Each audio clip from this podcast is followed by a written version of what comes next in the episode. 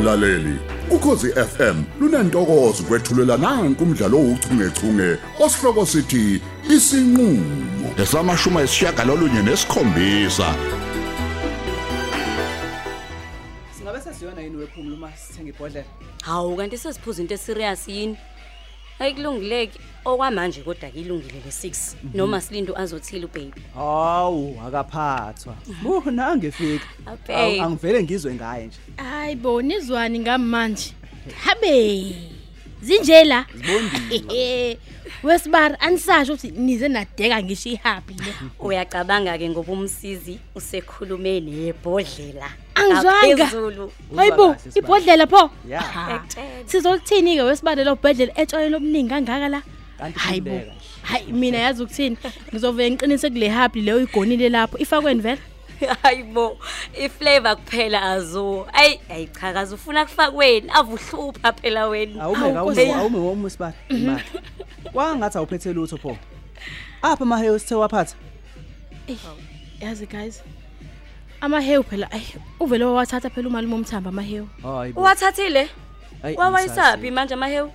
Hayibo yazi yankuluka indaba lamahewu. Anime phela ngichaze Hayi. bafethu anime ngichaze. Uma lo ukhuluma indaba yokuthi ufuna yohlola lamahewu ukuthi anani njengoba esegulisa uzara kanje acishe emkhipha Yeah. umphefumulo. Nomsizi ubawafunela lokho. Qinisela uphumula. Ngeke nje ngikuthola ukuphumula ngingazi ukuthi yini ngempela le ebikulamaheyo wakho lesuzara. Oh, yeah, uphendulele ucingo. Khalayo la. Yebo, hello. yebo msizi umakazara lo nganyama Oh, yebo ma. Hawu, hawu, ngakho ke zokwazi. uthuma nje uvelela esibhedlela uzombona Hayi bo zazi indlela zoyindaba ma. Hawu ngiyabonga kakhulu. Ayu, ngiyabonga ukuthi ungazisa. Hayi ngiyeza angisaphula isimaseko. Oh, all right ke bye. Msizi, zithini indaba ezinhle Lalela, zithini lalela, zanazo? lalela. Uzara usephapheme. Hawu, ma. Akasekho kwikhoma. Hayi ma, nkulunkulu wami mkhulu Jesu. Hayi mkhulu Jehova, hayi ma, mkhulu Jehova. Jehova. ngajabula madoda, Hawe hey. ma. Wesibari, Yo. wesibari. Hayi, awuvela ulandelele ibhodlela lakho ubulisho mfethu. Hayi ngeke, ya, ngeke. impela. Eh, Zimnandi eh, izindaba. eh, eh, eh. Yabona manje noma ngaba nje ngaw- noma ngalanda ishampompo nje straight. This is now a celebration. Ayibo.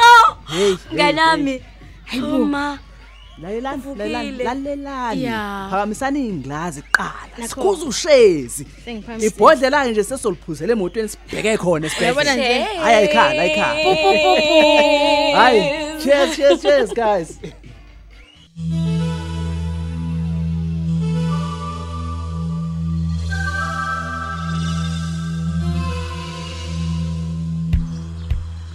Uyazi mfuthu njengoba ngikubona nje ngizale kude yazi sengicike icamehlo kaningi kanjani? Hayibo Hallo kesubuso phela mthambo. Nive ngingavasha emzini yabantu nicika amehlo hayi cela hayi imbici. hayi mayileda amehla ngiwacikicwa mfuthu ngoba nakho nginembici bengithi mhlambe nje ngiyaphuba. Hayibo ukana ngempela lona mfowethu? Ya mina nenqotho zami. Hey, awukahle mfuthu. Ufunani kuveranda kwabhekisisa ngalesi sikhathi unjalo nje unquma ngisho neze futhi ngathi u- uhlala khona nje la Yazi ngisama ngazokubona wena mina mgenge. Angisakwazi sengiyakufunga qobo. U- u- Uphuma phi impela? Ufu. hayi hayi hayi mfowethu kahle mfowethu imibuzo ayibuzani mfowethu ayibuzani Hayi ukusho ukuthi abelungu baqinisile kuma bethi when days are dark friends are few. abelungu Ya. abelungu futhi abazi ukuthi phela thina abantu abanzundu siyayihluphekela silezi simatasa njalo sibamba lapha nalapha yana mfowethu Oh ilokho. Ilokho no mhlambi loyalty into eningayazi hlobo nje. iqiniso nje mholo ukuthi ngezwe mfowethu ngosibhinca makhasa no eh bengitshela ngokuboshwa kwakho Mm, mfowethu mm, bakutshela ke kwase? ey kwasuke kwaqondana kabi nokugula kwengane kaHams umuntu wabe sephuthuma leyo nto ukuze phela kuze kube namhlanje kodwa ke ngiyajabula ukubona mayilidi ukuthi usukhona mfowethu Oh hayi nami ngizwile indaba kaZara. Cha bandla yimbi into ehlela umntwana. Awu. Kodwa ke lokho akuyona excuse yakho. wemabutho mfowethu yimbi ngempela mfowethu Eh. I- iyona ndlela leyo ozizwa ngayo leyo Hawu. awukahle uyadabuka noma uyazenzisa mfowethu Mthambo. Lalela hayi kabi my lady kodwa ke mina lokhuluma naye njengamanje asikho ke mfuthi isidingo sokulokhu uzenzisa hayi kabi my leader kodwa imina lokhuluma naye asikho ke isidingo sokuzenzisa sobabili siyazi ukuthi wena umzonda kangakanani uzara my lady Ngisakuzwa ke manje mthambo. I- Iqhamuka kule nkulumo.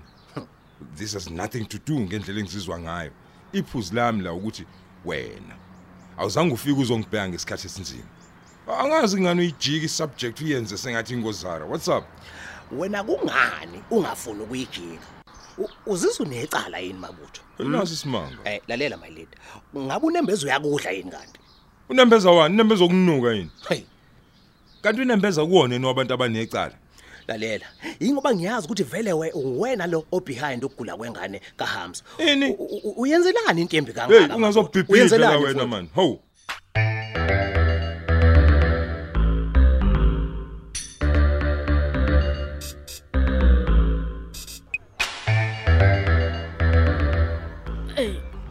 Yes, yes. Angathi engivele ngashaya mawala kuleli bhodlela sibara. Hey shayekile, shayekile siba. Hayi, Wesike wena baby. Ayi baby ke wiki wena uqale manje. Kusamanzi phansi baby. Ayi wiki. Baby. Uzoba phumphum. Yeah. Hayi hayi awuwiki Awuwiki, wedwa baby, wena siba. awuwiki. abona. Hayi eh, nami ngiphelile manje. Oh, oh. Yazi Ayazi. sibale. Ngijahe kabi uthi isi- isifikele esibhedlela. Una ang- angithanda udriver nje. Hey. Asana ndini ayandaleyo ndaba Yabethu. le. Yo. eh, Hey madoda hayi. Awavuka ngempela umngane wami. Hey ngijabule mina wemaphumphum. Hayi. Uyabo wephomla. Phomla. Awazi ukuthi wendlela uthi angixume manje le engihappy ngakho. Ay, Mina lo baby. bengayitsheli mina ukuthi uzogcina ephapheme usiswa. Hey, Ayibo. Ay. mina ke bandla hayi hayi bengifo komkhumbulo bebe Ah, Uyabona nje. nale ngoma asiculayo ingikhumbuza yena Ikhumbuza yena. Yabona plus. Ey, esithandela inpho ukucula inkaba. yazi wedaba sibani Manje manje manje nadabukisa pho. Ndabuzani. Kasedlala utshwala ngiphela. Sepapeme phela lo muntu konke seku right. Kumjojo. mawungeke angiyazi yena namba efonayo Bamba, bamba inamba. Ingo. Awuphendula mhlawumbe isibhedlela nje ngewa. hello Baby baby. Ubona mnumzane Mzolo. Ukhuluma nomseshi uThusi la. umseshi Umseshi. wena ngizacela ukubuza ku- ku- kumayelana nani lokhu Eh mnumzane Mzolo bengifisa nje sike sithi ukubonana nje mawuthola isikhathi. Ya kumayelana nophenyo la engibhizi ngalo la. Eh, manje we- we we Mr Thusi mina ngena kanjani opinion lakho A- angiqondi ngempela ngicela ukucaciseleka ngoba hayi a- mina uphenyo hayi angazi lutho mina mayelana nophenyo futhi nje alikho necala engake mhlawumbe ngalenza ngelinye ilanga Eh hayi kanti ehlisa umoya nje Mr Mzolo. Eh. Wena nje vuma sibonane khona ngizokwazi nami ukuthi ngikucacisele nje kahle ubuso nobuso. Hey hayi hayi kulungile vele manje ngisemgaqweni uzozwa ngamzokwazisa Awuzweke. Ayibo. Esiba yazi bani awuchazela. Wazi ukhuluma nabaseshi manje. Kwenze njani? Buze, buze. Kwenze njani? wesibali manje wahlahla amehlo nje sibali kanti nawe unecala libalekelayo Hayi nje, Sibali. ngiyadideka phela manje mina.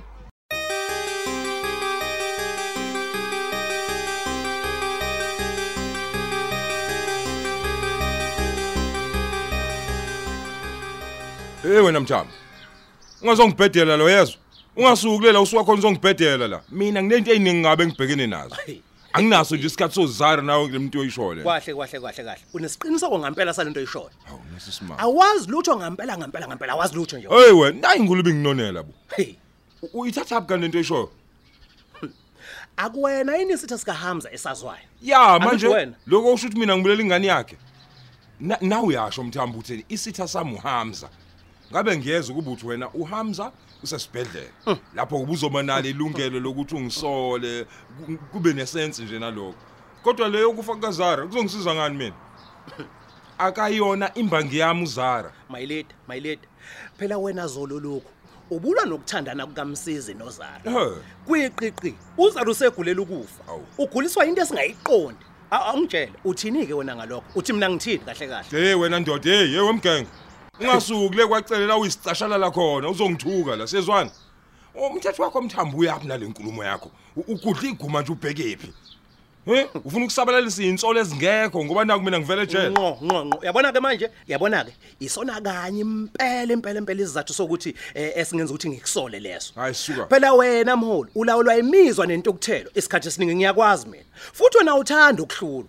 Kwazi banike. Mhlawumbe ubonile ukuthi indodana yakho ayikhuzeki ngozara. Wasovela ufuna ukuthi hayi, kungcono uvela ususa inkinga endleleni yakho. Akunjalo mfowethu. hayi mhlawumbe ngicophele mthambo hayi ngeke uma ngase kube khona umuntu okuzwa ukhuluma lembudano oyikhulumayo le ucabanga ukuthi i- kuzokwenzakalani ngami akuzogcwala lokhu isilonke lolu kuze kufike nasendlebeni zikaHamza hey bala amagama akho mana wahlakulela amagama akho man ikakhulukazi uma ungenabo ubufakazi bento okhuluma okhuluma ngayo Okay, lalela ke mfowethu. Asikho isidingo sakho konke lokho. Wena nje ngicela ungitshele iqiniso. hey mthambo Ngitshela mthambo iqiniso nje mfowethu. Ngabe ingane kaHamza mfowethu isasibhedlela nje kungenxa yakho yini? Ah man futheke mthambo man hamba mgenge man hamba man phuma Khuluma Phuma ngesango. iqiniso, mfowethu. ngoba kuyacaca uzazi uzokwenzani la ngishiye nje ngokuthula singaze siphele nalobudlelwane esinabo beminyaka ngenxa yensolo zembudane umsangano la aha angeke ngimele mina ukubhecwa ngobende inyama ngingayidlanga uyangizwa uyabhetha mgenge Hayi, khuluma Hamba, iqiniso, Mthambo.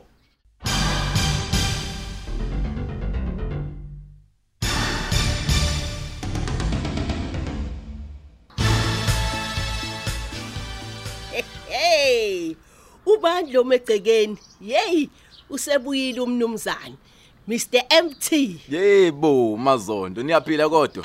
Uh, uyazi sengivele nje kaphila phela mase ngibona wena. Sagcina nakalilalanga Hey wangisiza kakhulu nawe ke ima ke ima nje ungaze uphinde futhi unyamalale. Awunginikeza inamba yakho yokufona uyakhumbula ngithi kunomndeni wakathabethe kule ndawo? Ehhe. intombazane yakhona ubeauty udadewenu. Hayi phela ngamtshela.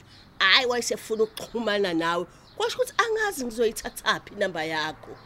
Oya kwakuhle ke lokho. Ngaze ngajaha ukumbona. Kodwa kawo namhlanje nginesikhathi sonke inamba uzoyithola khululeka. Awu kwangcono-ke. Yini uzoshaya idrink yakho-ke nanamuhla khululeka mazondo. Angizele lokho. Eh empeleni ngizozethula kabusha kuwena. Eh mina ngiwumuntu omthetho kahle hle. Ngiwumseshi futhi bengingathanda ukusebenzisana nawe. Umseshi. Hawu hayi kuyangimangaza-ke lokho. Manje mina ngihlangana phi-ke nezindaba zokusesha nemithetho ngakubona ngaleli yalanga ukuthi hayi uyisilomo lapha edimba. Ngakho ke ngingathanda ukusebenzisana nje eh nawe uba mehlo nezindlebe zami. Hayibo impimpi ufuna ngibe impimpi yamaphoyisa?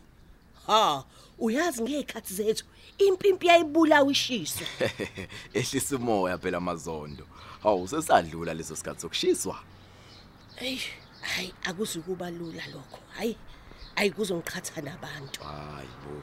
Hayi kodwa-ke mhlampe-ke kungangisiza ngoba ngisebenzi.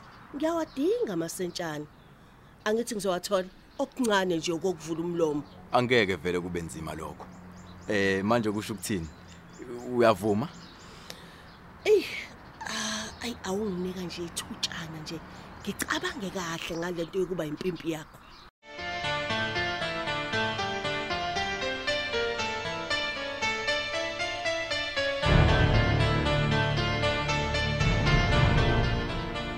Awukahle mabutho. Awazi lutho ngampela ngampela. hey ngikahle silokusiqalela ukukhuluma la ngizama ukukutshela into eyodwa mthambo ukuthi angazi lutho kodwa wena uyaqhubeka uyangisola yazi kuyacaca awunawo ama listening skills kungena ngapha phume ngapha Hayi. Ungixolele my leader. Uma ngabe kuukuthi ngampela ngampela wazi lutho ngampela ngalendaba ngalendaba kaZara. ah man ayisuka man mgenge man hawu Ngixolisa kakhulu mfowethu. hey ngiyaqala ukuthuka wena kanje mina lokhu kuzenza kwakho ukuthi umsesho ozimele ukuthi usicabanisa nabantu ngempela Uyazi nawe mfowethu. Uma kwenzeke into efana nalena mfowethu, ugcina usukhomba noma ubani mfowethu. Uyakwazi lokho. caciseleke mfowethu. ndoda yebo angikufuni futhi angikwamukeli ukuthandana kweingane zodwa lezi zethu u- u- umsizi be- be- benozara kodwa ngeke mina ngibulala ingane encane kanje ngombhedo Ey. futhi bengizobe ngi- ngi- ngiyigulisa ngiyithatha phi mina lengane Ayi. ungaphinde uyicabange lento eyihlazo kanje ngami mthambo Cha mfowethu, iyobe, iyobe kakhulu mfowethu ayidlishele my leader. Kodwa ke ikhona enye into mfowethu ethanda ukungihlupha emoyeni mfowethu. ngami ha yini futhi manje leyo Awukahle. Umfunani unkosikazi kaHamza mfowethu. Angiqali ukukubuza lento mfowethu futhi ngeke ngiyiyeke usaqhubha ngalendlela owenza ngayo. Eh, ubani ungalingeke mfowethu uyiphike le ungalingi uyiphike mfowethu ubufakazi enginabo buqanda ikhanda ilokishi lonke leli likhuluma ngawe ninofatima kuthiwa wena usubonakala izikhashana eziningi uyongena lapha ema-cottage we mame. Ibona ubufakazi wenabo ke lokho? Inzwa bethi ha? Ukuya kwami ema-cottage kuchazani pho? Bangaka abantu engibaziyo mina la edimba abahlala kulawo ma-cottage ubona ukuthi ngazi ufatima kuphela mina laphana? Hayi suka sebenzisa ingqondo yakho phela nawe mthambo mfowethu. Inkinga basuke bebona wena ngqo. Futhi-ke usuke uyongena erumini yakhe mfowethu. amangahlaza amangahlaza. Ayikho leyo nto hawu. Yazi ngiyayibuza futhi ngiyayiphendula impendula ngiyitholi ukuthi ubani yena lo gadeni nami? He? ngoba phela abaningi ngabo abantu abahlala lapha. Hayi ungiqambela amanga lo. Yabo nje lokutshela lokho uyangisukela usenge imithiyo ngibafunga omzolo amampunge lawo. yazi mfowethu ngisho nengane ezelwe izolo la edimba. Iyalwazi lolu daba lwakho. Ngakho-ke angazi ukuthi wena uyitsho ukuthi ukhohlisa abani ngale nto. Hey manje um- uma le ndaba ke ngamanga kangaka sikhulunywe wona wonke umuntu lo ngabe sifikele ezindlebeni zikahamza ha? Uyawazi-ke nawe amanga wahlala inhlobo phansi asaba amazolo. Uyazi njengoba ezazi nje mfowethu le ndaba uthini bafu ngiyakutshela hayi inkinga ke le Ehhe. U- u- uma ucabanga uzokwenza njani manje uhamza ngale ndaba wena uma ngabe usukela inyoka esemgodini usukuthi uyenzani hmm? Thambo. izokuluma Thambo. uma ngabe uyisukela bhasopa gulufa bhasopa ndoda Uphela kanjalo ke umdlalo wethu ouchungechunge osihloko sithi isinqulo ababhali uLerato Tuwe uMandla Dlovu uJabulani Njali kanye noyenziwe Sithole. Kanti lo mdlalo uqoqwwe ngaphansi kweso lika Dolly Ogle olethelwa ukhozi FM